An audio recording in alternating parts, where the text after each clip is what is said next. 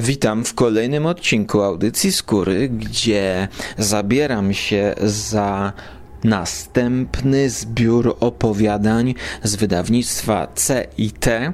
Tym razem Wędrowne duchy od amerykańskiego autora Francis Marion Crawford. Zaczynamy podróż i wyprawę, a właściwie otwieramy skrzypiące drzwi do biblioteczki grozy.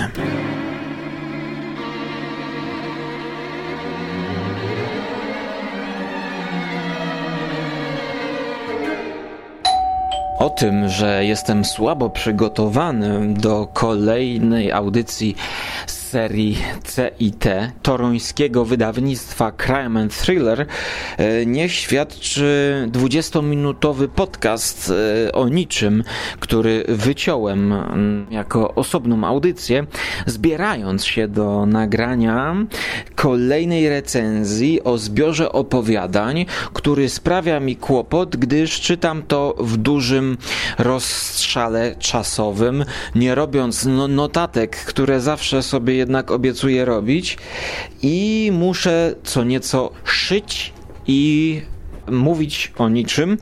E, jednak tutaj pamiętam e, co nieco dobrego, gdyż zbiór pod tytułem Wędrowne Duchy wyróżnia się na tle Biblioteczki Grozy pozytywnie. Zaskoczył mnie ten autor, jak na swój wiek, urodzony w 1854, zmarł w 1909. Amerykański Amerykański pisarz, głównie znany jako autor legendarnego opowiadania Górna Koja, które trafia zwykle do antologii najlepszych utworów grozy. Nie wiem jak to jest z tymi antologiami zagranicznymi, ale wiem, że w Polsce to opowiadanie pojawiło się w początku lat 90. w takiej malutkiej książeczce Świat Grozy. I mam ten zbiorek, czytając Wędrowne duchy, zastanawiałem się skąd kojarzę tę górną koję. I świat grozy kiedyś przeglądałem i chyba właśnie przeczytałem górną koję, która, jeśli jest legendarna, okej, okay, uwierzmy tutaj wydawcy, to należycie i przypadnie ona do gustu wszystkim miłośnikom prozy Lovecrafta. A także cieszy mnie fakt, że czytałem tę książkę pod koniec roku 2018, kiedy jest okres e, zimowy, a właściwie wchodzenia w okres zimowy który kojarzy mi się oczywiście z nartami, ale także z morzem. E, więc jeśli mam się zabrać za jakąś powieść marynistyczną, to zwykle zrobię to właśnie pod koniec roku, gdyż swego czasu jeździłem na święta nad morze z całą rodziną e, do takiego domu, którego już, do którego już dostępu nie mamy i spędziliśmy tam wigilię może dwa razy albo trzy razy w życiu. Wspominam to wyjątkowo i pamiętam, że próbowałem wtedy czytać tam jakieś powieści związane z wyprawami morskimi, ze statkami i w okresie, kiedy święta się zbliżają, to tamten okres tak utkwił mi w pamięci, że próbuję sięgać po podobne klimatyczne produkcje i twory kultury i Górna Koja wpisuje się w to, gdyż opowiada o pewnym e, podróżniku, który wynajmuje sobie e, pokój na statku, czy szalupę, kajutę. Ja nie jestem obeznajomiony z tym nazewnictwem, e, więc ten podróżny mm, wchodzi do tej kajuty i co się okazuje, że jedno miejsce to górne bodajże jest zajęte, więc siada i rozkłada się na dolnym łóżku, zamyka drzwiczki, wiecie, takie malutkie pomieszczenie, idzie spać.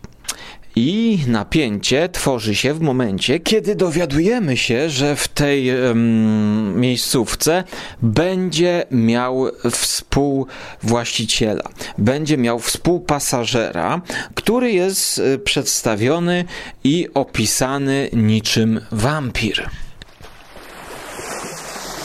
Byłem ciekaw, kogo przydzielono mi na współlokatora. Postanowiłem więc, że nie będę się kładł, dopóki go nie obejrzę. Nie trwało to długo, kiedy się pojawił.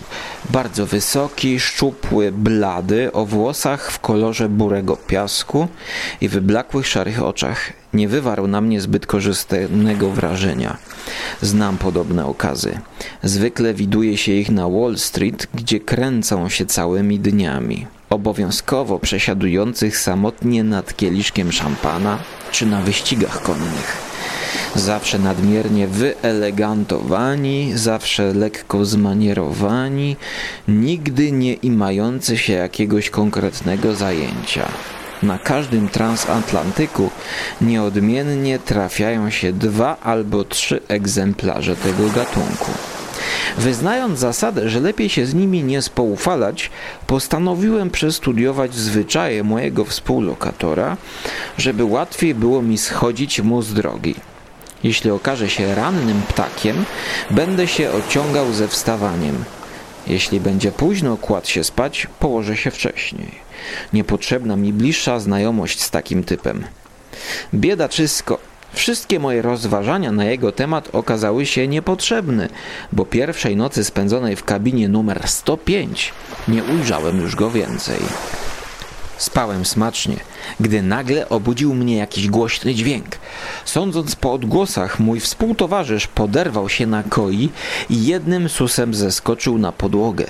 Przez chwilę zmagał się z zasuwką i zaraz wybiegł z kabiny, zostawiając drzwi szeroko otwarte.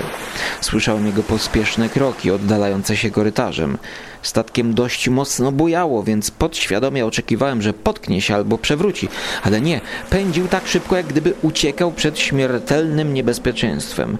Otwarte drzwi kołysały się w takt przechyłów, skrzypiąc przy tym niemiłosiernie. Mocno poirytowany wstałem, żeby je zamknąć, po czym po macku wróciłem do koi i na powrót ułożyłem się do snu.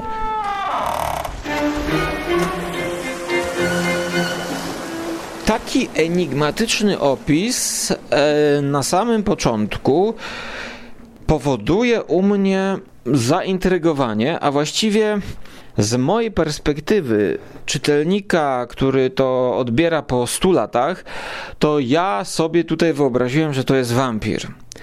Tak naprawdę zostałem zmylony trochę i już nie wiem, czy to jest kunszt pisarza, czy to jest e, jakby moja nadinterpretacja, czy może postmodernistyczne odbieranie tego wszystkiego, gdyż szukam tropów, e, których tutaj nie ma. No ale przecież wampir już wtedy był opisywany.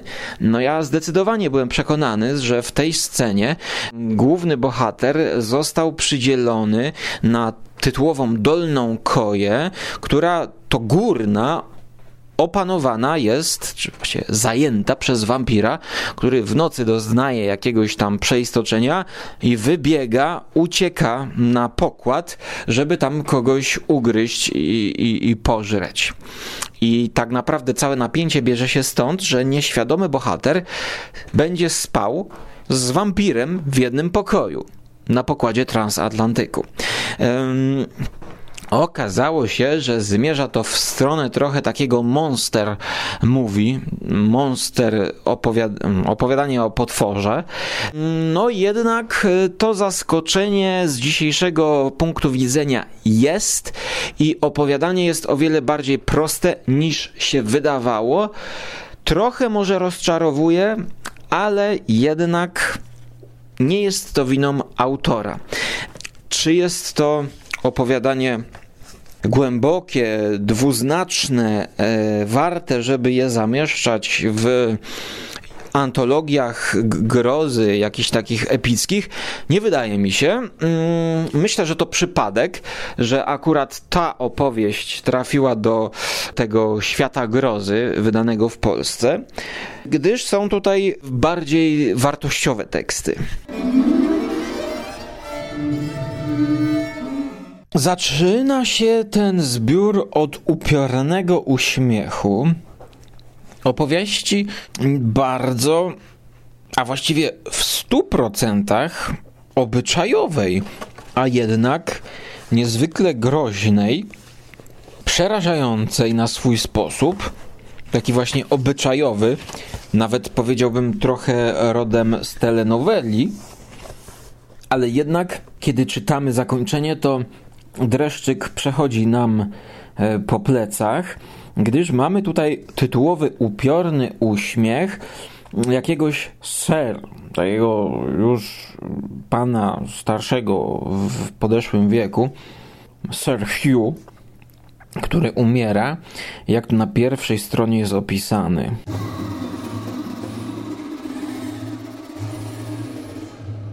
Kiedy Sir Hugh się uśmiecha, przed oczami majaczą mu twarze dwóch kobiet gorzejących w piekle. Dwóch martwych kobiet, które kiedyś zdradził. Teraz blade, bezkrwiste wargi rozciągały się coraz szerzej, obnażając pożółkłe zęby. W szatańskim uśmiechu kryła się satysfakcja z własnych czynów i niewyobrażalna wręcz nienawiść i pogarda dla rodzaju ludzkiego. Sir Hugh umierał, a ohydna choroba, która go zaatakowała, nie oszczędziła także mózgu. Obok starca stał jego syn, wysoki, blady młodzieniec, o urodzie subtelnej i delikatnej. Spoglądał na ojca z powagą i ze smutkiem, czując jednocześnie, że na jego usta także wypełza chorobliwy uśmiech, zmuszający wargi do rozciągnięcia się wbrew jego woli. Było to koszmarne doznanie. Daremnie starał zapanować się nad twarzą. Uśmiech rozlewał się na niej coraz szerzej. Za nim, z ręką spoczywającą na jego ramieniu, stała Evelyn. Oboje byli bardzo podobni do siebie. Evelyn spoglądała prosto w twarz wuja, niezdolna odwrócić głowę, choć czuła, że jej karminowe wargi także rozchylają się powoli w upiornym, szyderczym grymasie. Uśmiechała się wbrew woli – a jednocześnie po policzkach spływały jej gorące łzy.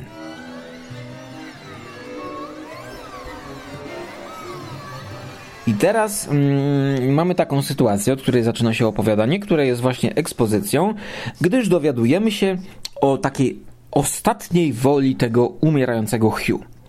Jeśli zamierzacie się pobrać, nie mogę wam w tym przeszkodzić, przemówił Sir Hugh, wpatrując się w drzewa za oknem – nie sądzę też, aby choć trochę zależało wam na mojej zgodzie. No i tutaj mamy problem taki, że ci, ci się chcą pobrać. Tam jest jakiś problem, że on, jakaś tajemnica, której nie chce wyjawić, umiera. Już, już nie pamiętam, czy to jest jego plan, żeby oni się pobrali, czy to jest jego chytry plan, że oni się nie mogą pobrać, a on tak aranżuje wszystko, żeby oni się pobrali. No i jak oni się pobierają, to ja już nie pamiętam, czy oni się pobierają, czy się okazuje, że się nie mogą pobrać, a może się pobrali i okazuje się, że nie powinni się pobrać. Tego typu jest to opowiadanie, ale jest to świetne opowiadanie na wstęp. A tytuł Wędrowne duchy nadaje temu takiego smaczku, bo, bo ten człowiek, który umiera, to jakby ich duch, ten jego duch yy, i to, co zrobił, to, co jest piętnem, to, to, to zło, które on wyrządził, nie wiemy jakie, bo to jest do końca trzymane w tajemnicy, ja też nie będę zdradzał, bo nie będę spoilerował, yy, to jest właśnie takim y, piętnem, które ciąży na tych młodych mm, dzieciach z rodziny. I te czyny właśnie niczym duchy z zagrobu nawiedzają w taki sposób no, metaforyczny dwójkę głównych bohaterów. Mocne zakończenie, dobre na wstęp, mm, rozbudza apetyt na więcej.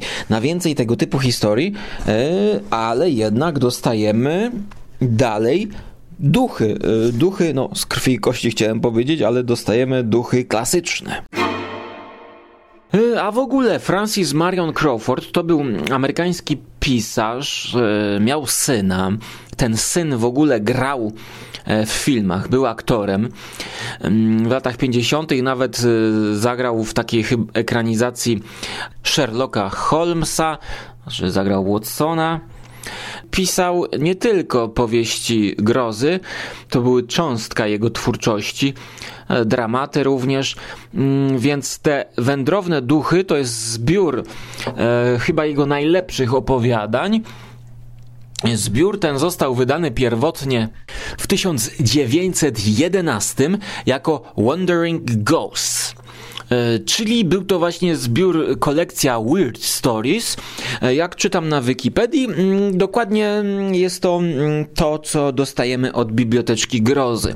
E, zawierały się tam opowieści The Upper Birth, napisana w 1885, For the Blood is the Life, 1905, The Dead Smile, właśnie przed chwilą omawiany 1899 i The Screaming School 1908, który teraz e, przejdziemy do niego. Co ciekawe, S.T. Yoshi, jego esej The Evolution of the Weird, Weird Tale z 2004 mm, właśnie omawia mm, część dorobku Crawforda. Mm, myślę, że z chęcią bym to przeczytał. E, nie wiem, gdzie to można dostać, czy to jest w tej biografii wielkiej e, o Lovecraftie, czy, czy tam e, to jest. Zobaczę. A teraz przejdźmy do Krzyczącej Czaszki, 1908 rok.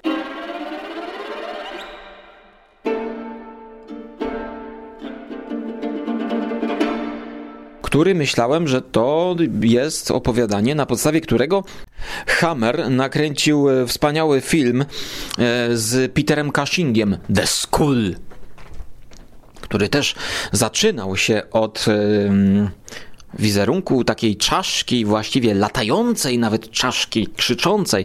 To był wspaniały Hammer, wspaniały. Mm, uwielbiam tamten film, ale okazuje się, że to jest coś zupełnie innego.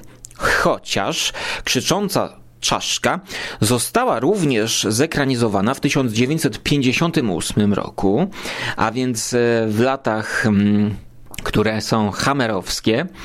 Tutaj jednak y, było to w Stanach nakręcone i Hammer nie miał z tym nic wspólnego.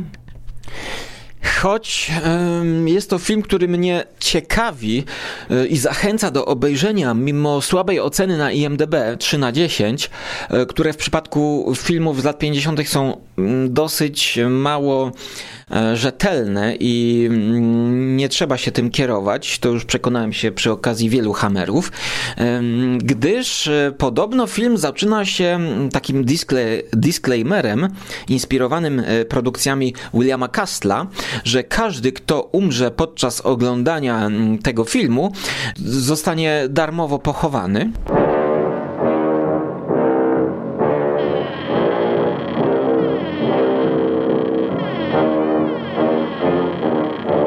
Screaming Skull is a motion picture that reaches its climax in shocking horror. Its impact is so terrifying that it may have an unforeseen effect. It may kill you.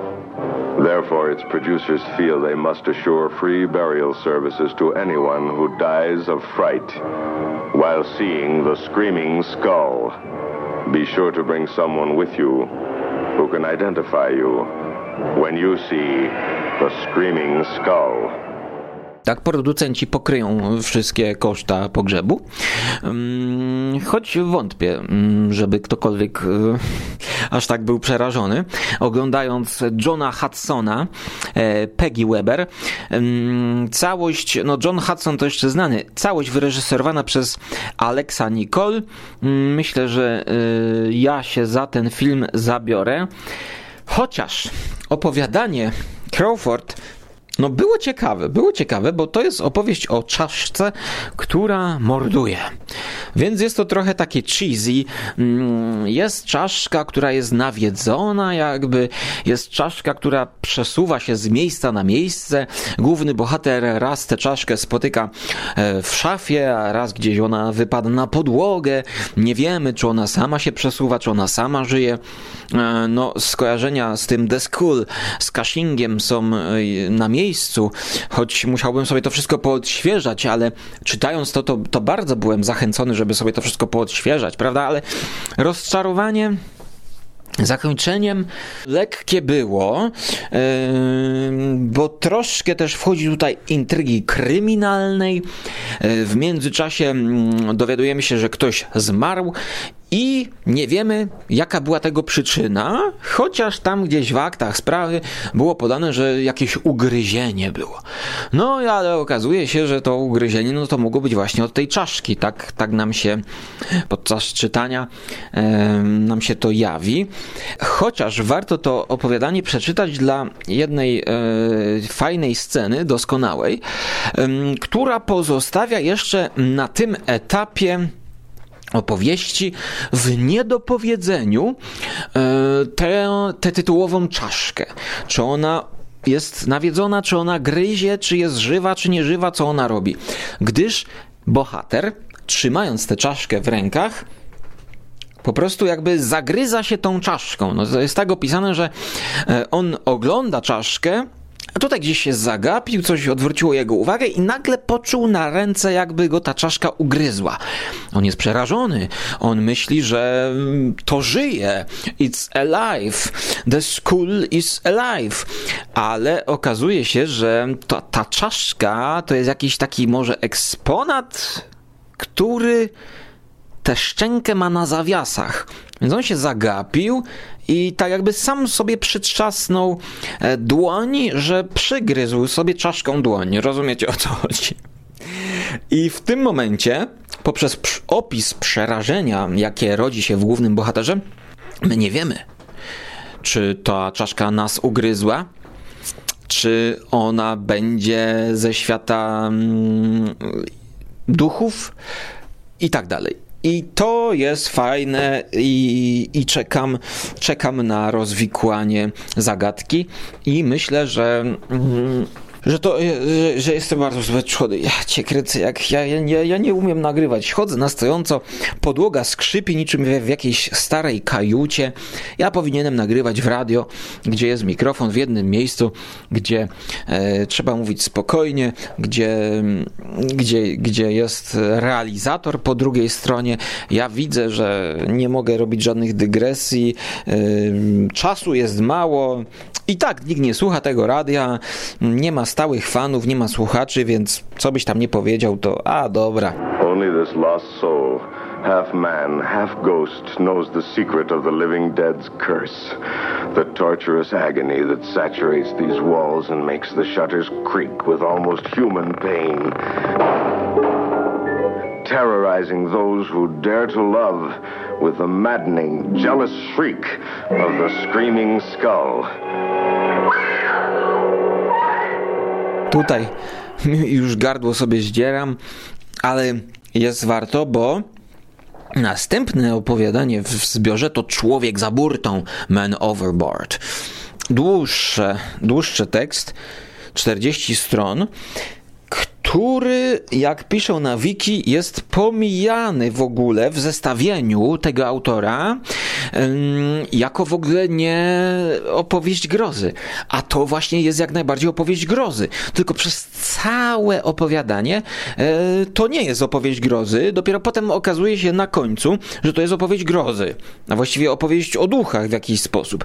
I całość zbiorku mm, polecam dla miłośników twistów, bo tutaj ja nie zdradzam, ale te twisty są. I w niektórych momentach, a właściwie podczas czytania tego opowiadania, pamiętam, że aby jeszcze bardziej podkreślić klimat i wczuć się w atmosferę, to czytałem to w wannie. Tak? No, wiadomo. Nie dość, że koniec roku, to jeszcze wanna, wszędzie woda i człowiek za burtą. No to wspaniałe podkreślenie. Ale główny bohater jest tutaj znowu mm, jakimś bodajże marynarzem na, na statku i również na tym statku jest dwóch braci, niezwykle do siebie podobnych, choć czy to są bliźniacy to nie pamiętam. Główny bohater podsłuchuje w pewnym momencie rozmowę owej dwójki na temat jakiejś kobiety. Lekka kłótnia, na temat tego, czy ta kobieta będzie z nim, czy z tym. Coś się dzieje. I Dobrze, już nie będę powtarzał, że staram się nie spoilerować i nie zdradzam, mm, bo to zabiera czas audycji niepotrzebnie. To e, w tej ekspozycji dowiadujemy się, a właściwie jesteśmy świadkami swoistego tytułowego wypadku, że jeden z tych braci wypada za burtę. Ale znowu my to mamy tak pokazane, że my nie widzimy, tylko słyszymy, że ktoś wypadł za burtę, więc nie wiemy, czy ten brat wypchnął go, czy to był wypadek przy pracy, czy to było, e, co to było i jaka intryga za tym stoi. Ale Znowu tytuł Wędrowne duchy. E, postać tego ducha, i to nawet autor opisuje tak, że jeszcze nigdy mm, jakby zmarły marynarz nie wpływał tak bardzo na załogę jak ten z tych braci, bo pomimo, że on wyleciał za burtę, to on bardziej wpływał na wszystkich do tej pory, gdyż zaczynały się dziać dziwne rzeczy. Kucharz, który gotował obiad dla marynarzy, to po posiłku zbierał na przykład dodatkowy zestaw sztućców. No i my sobie, a również tamci marynarze, zastanawiali się, bojąc się czy to ten brat wraca z zagrobu i przychodzi zjeść swoją porcję? A może to ktoś robi sobie żarty z ekipy? Bo zwyczaj ponoć jest taki, że mm, jeżeli są jacyś majtkowie czy, czy żółtodzioby właściwie, to robi się jakieś głupie żarty. No ale tutaj komu robić żarty? Tutaj sami doświadczeni. Mm, więc wciąż nie wiemy i to po latach jest bardzo duża zaleta tego zbiorku. To, jak Crawford pisze, to trzyma w napięciu i robi suspens. My nie wiemy, czy to będzie duch, czy to nie będzie duch, czy to jest jakaś mm, choroba na pokładzie, jakaś psychiczne postrzeganie rzeczywistości i to mi się bardzo podoba i to sprawia, że nie nudzimy się czytając te opowieści. Mm, bardzo logiczne zakończenie bardzo takie odsłaniające wszystko jest, może trochę epickie nawet powiedziałbym, gdyż ten marynarz kończy swoją przygodę ze statkiem i postanawia jakby zmienić pracę, no ale tam ten brat, który przeżył, zaprasza go na wesele. No i my dowiemy się, jaka intryga stała za mm, tą kobietą, w której byli zakochani bracia, gdyż główny bohater jedzie na wesele. Mamy tutaj wspaniałą atmosferę tego miasteczka nadmorskiego, gdzieś jakieś latarnie.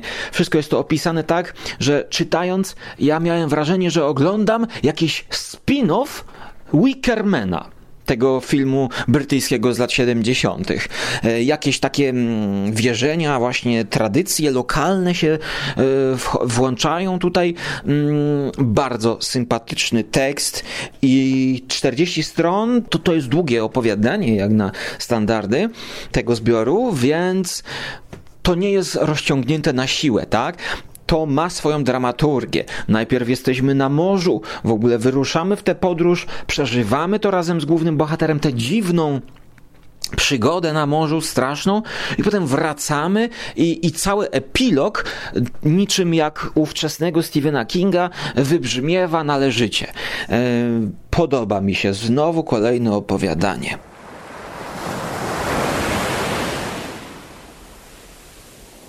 W przeciwieństwie tutaj troszkę do krótkiego, właśnie krew jest życiem, for the blood is the life, krótkiego, o wampirach, w którym się zagubiłem.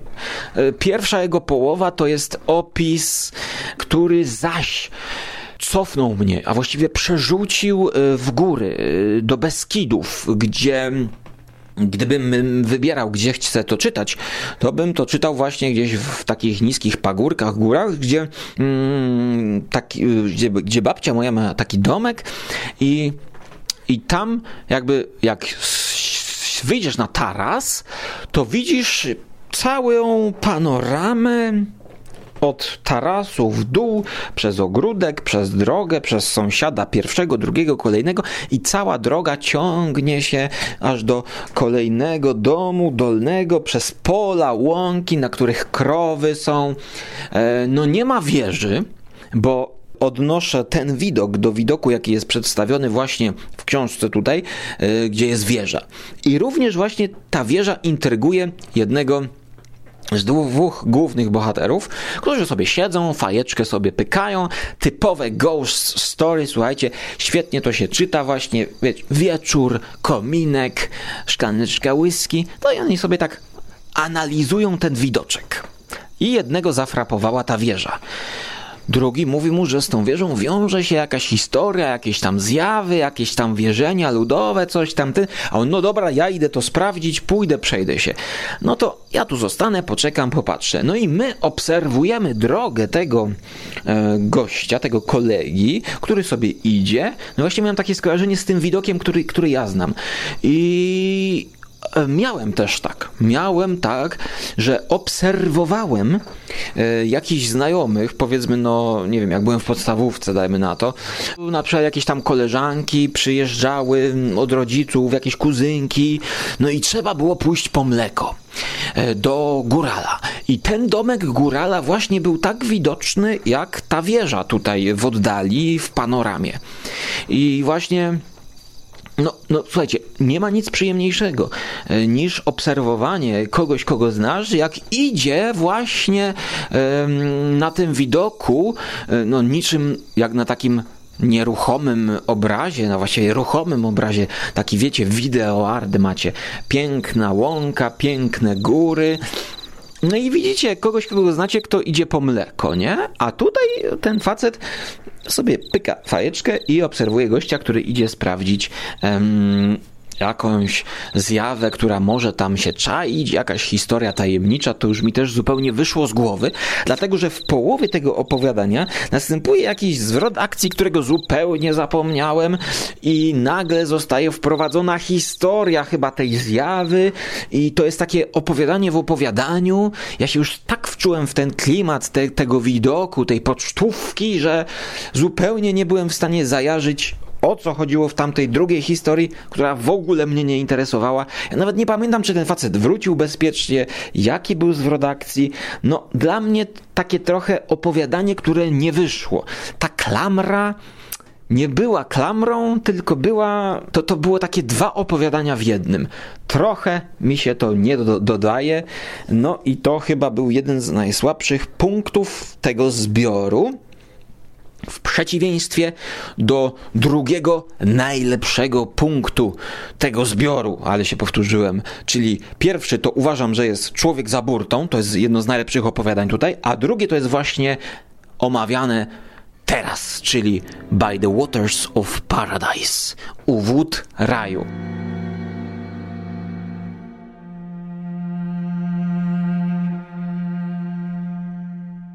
To jest opowiadanie niezwykłe. Poruszyło mnie, wzruszyło. Sprawiło, że y, to przeklnąłem pod nosem, na głos, y, w niekontrolowany sposób czytając je. To jest opowiadanie bardzo współczesne. Identyfikowałem się z głównym bohaterem. I teraz sobie przypominam, że miałem to nagrać E, jeszcze pod koniec roku 2018, kiedy skończyłem czytać to opowiadanie. Teraz jest już 6 stycznia i ja co nieco zapomniałem.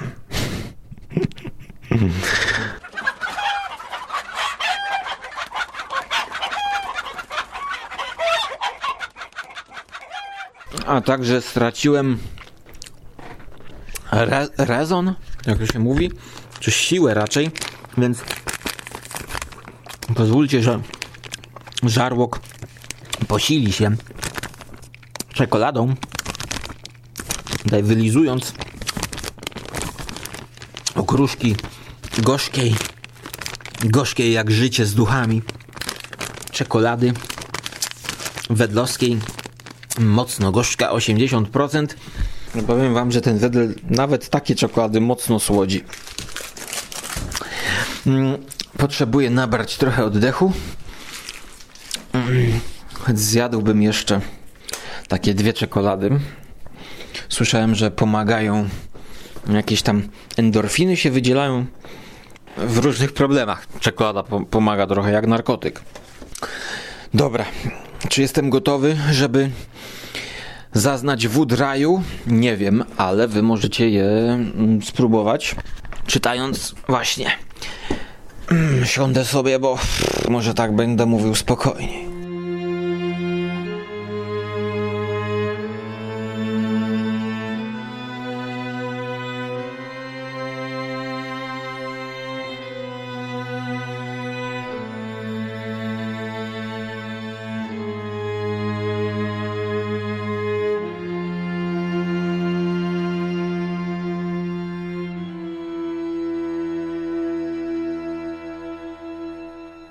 Wspomnienia dzieciństwa tkwią we mnie bardzo wyraźnie. Nie sądzę jednak, aby ten fakt świadczył o mojej szczególnie dobrej pamięci, bo przecież w szkole zawsze sprawiało mi trudność wykucie na blachę zadanego wiersza czy fragmentu prozy. Długi łańcuch mniejszych i większych niepowodzeń, zdających się prześladować mnie z fatalną nieuchronnością, uczynił ze mnie melancholika jeszcze w dzieciństwie.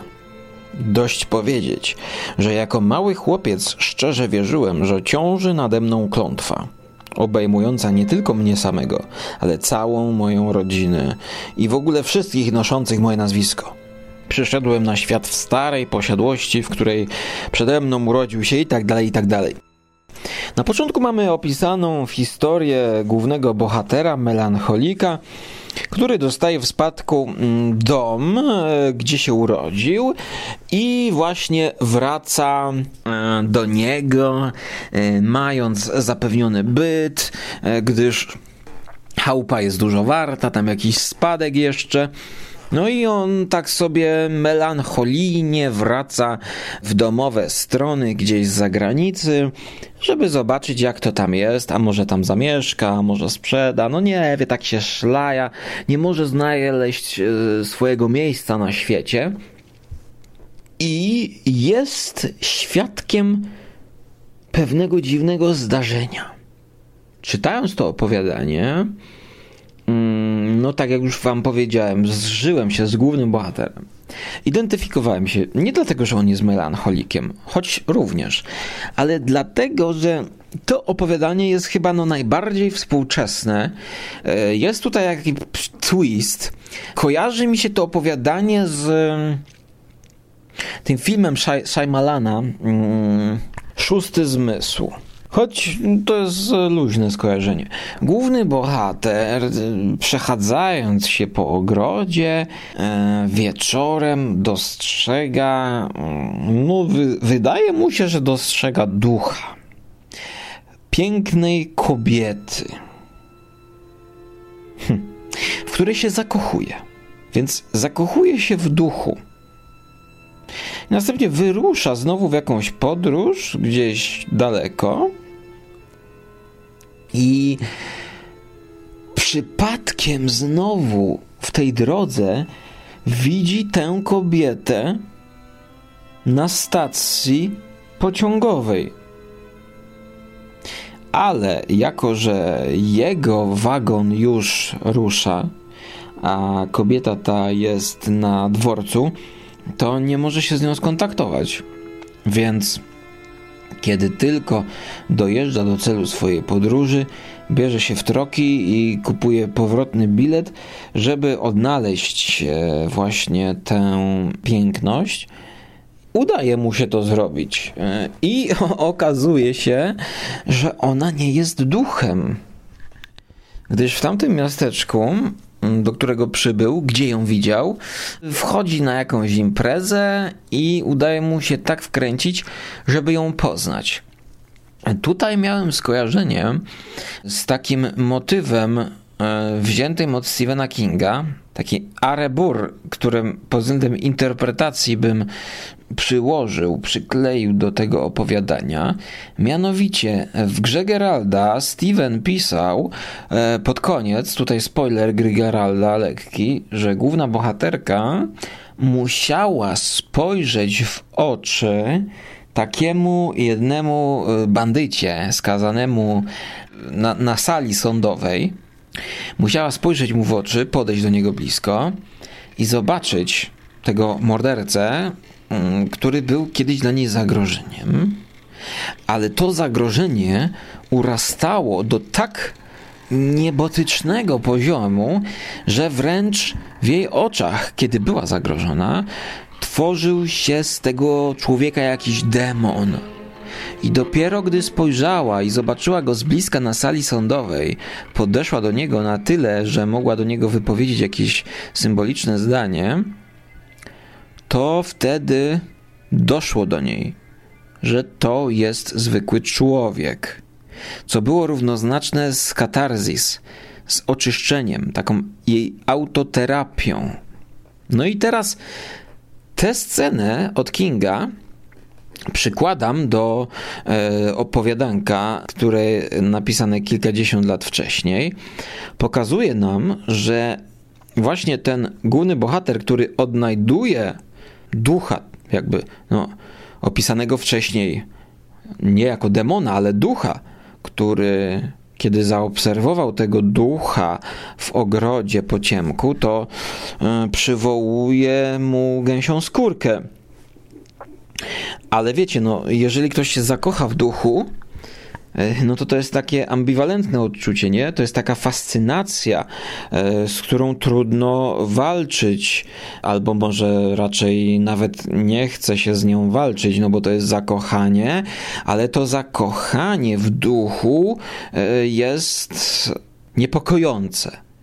I kiedy udaje mu się poznać tę kobietę na imprezie, no to on widzi, że to nie był duch, i w jakiś sposób odczuwa ulgę. I co robi ten główny bohater? Że on się jakby oświadcza tej kobiecie bardzo szybko. E, dlatego, że przeszedł taką drogę, którą on jest w stanie tylko zrozumieć. Ta droga, którą przeszedł, to powoduje w nim taką przemianę, że jest w stanie złamać konwenans i po pierwszym spotkaniu powiedzieć tej kobiecie, że ona jest kobietą jego życia, że on jest w niej zakochany i że on w ogóle prosi ją o rękę. Ona oczywiście odmawia, uśmiechnięta. Mm, no, ale mm, w jakiś sposób ich losy się łączą w przyszłości. Udaje mu się uwieść tę kobietę zachęca ją, żeby wrócili do jego domu, żeby ona odwiedziła jego dom. Chyba ona tam lubi podróżować, lubi zwiedzać, więc ona tam, tam jedzie. Więc ona tam jedzie.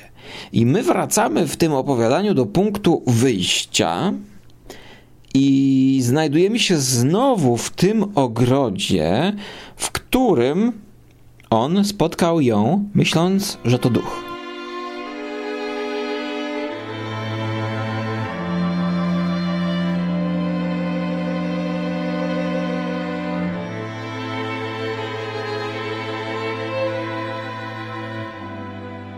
Leciutki może spoiler, malutki, ale jeszcze nie do końca, bo twist jeszcze będzie. Okazuje się wtedy, że ona w tamtym momencie również widziała ducha. A tym duchem był główny bohater dla niej, który w słabym świetle przemknął gdzieś na tarasie I ona nie wiedziała, czy ten młodzieniec, którego widziała, to był duch, jakaś zjawa, czy to była mgła, czy to było coś dziwnego. Tak więc mamy dwie jednostki, które spotkały siebie, ale nie do końca wiedziały o prawdziwości swego istnienia. No i tutaj trzeba przyznać, że tamta kobieta wtedy też była e, oczarowana tym duchem. Tutaj e, niby dochodzimy do happy endu, tak? No, ich losy połączyły się ponownie, mogą ze sobą być, ale jednak e, wchodzi tutaj do akcji jeszcze pewien zwrot. Twist no i troszkę wywraca tę opowieść i nadaje nowego smaczku właśnie. Mm, bardzo mnie ujęło to opowiadanie. Tutaj może przez to, że jakieś swoje wątki um, tropiłem takie autobiograficzne um, i się mogłem identyfikować jakoś, ale Sama konstrukcja, słuchajcie, no świetna, rzadko spotykana, e, wpasowująca się w tytuł tych wędrownych duchów. Tutaj i kobieta, i mężczyzna wędrują i szukają swojej miłości, szukają siebie, odnajdują się po jakimś czasie. No i zarazem, czy oni są duchami, e, bo powiedziałem o tym szóstym zmyśle, tak, gdzie, gdzie e, mieliśmy do czynienia z bohaterem, który jest duchem, a ale my o tym nie wiemy. No więc już czytając to znowu współcześnie, e, mamy podwójne dno, zanim w ogóle Crawford wyjawi nam, e, czy to podwójne dno było, czy to jest już nadinterpretacja. Więc powiedziałbym, że w dzisiejszych czasach czyta się to opowiadanie i również wszystkie inne opowiadania z tego zbioru e, lepiej i ciekawiej, gdyż bagaż znajomości e, horroru i grozy, i, i konwencji, i pewnych rozwiązań daje nam e, możliwość no, swoistej nadinterpretacji i powoduje, że te rozwiązania sprzed, sprzed 100 lat e, są po prostu no, dwuznaczne w pewien sposób, mm, niekoniecznie może przez autora zamierzone, no ale nie sposób się ich wyzbyć.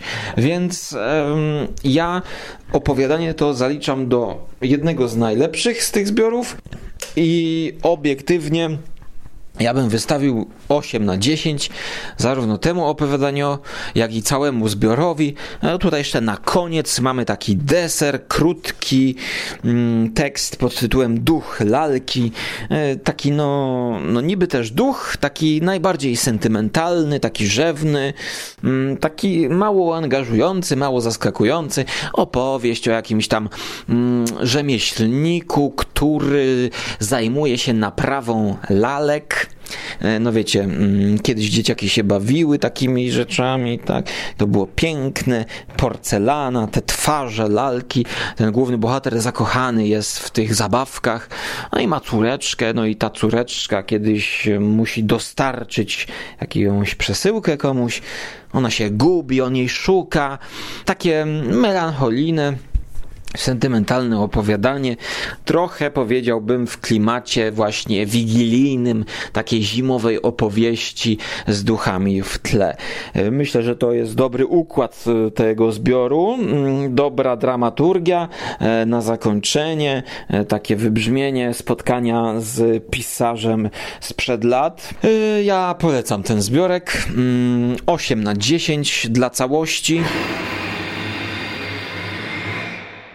Za co wezmę się w przyszłości, tego nie wiem i nawet już zapowiadać nie będę, bo zawsze ilekroć zapowiadam, to potem okazuje się, że wziąłem się za coś zupełnie innego. Teraz e, wziąłem się za tego Crawforda, bo to nowość i bardzo ładna okładka. 2018 mm, rok. Ja tutaj nawet mam w tej książce zakładkę, znaczy taką mm, plakietkę, znaczy metkę, znaczy rachunek z informacją, że ja to kupiłem bodajże w lipcu albo w, w, w 7 2018. No bo tutaj niby się gotuje do następnego mm, zbioru, który wydany jest w 2015 roku, opowieści upiorne. Edith Nesbit, które pamiętam, że jak też wyszły, to od razu już chciałem jako nowość, tak, jako nowość recenzować, ale czy sięgnę po to, czy sięgnę po jeszcze inną książkę, którą też tutaj mam na półce, Vernon Lee pod tytułem Nawiedzenia. Tego nie wiem, a to jest też nowsza pozycja.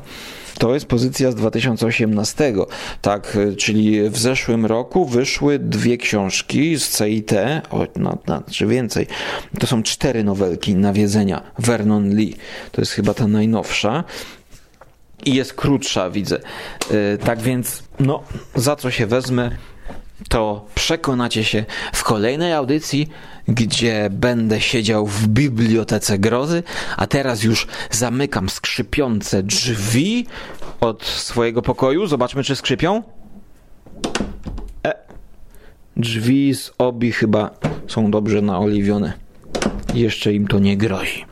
Ale czy będą równie przerażające e, drzwi do jakiegoś zamczyska u Vernona albo u Edith Nesbit, no to przekonamy się w przyszłości. Trzymajcie się zimno, bo za oknem pada śnieg. I do usłyszenia bądź zobaczenia na Żarłok TV. Cześć!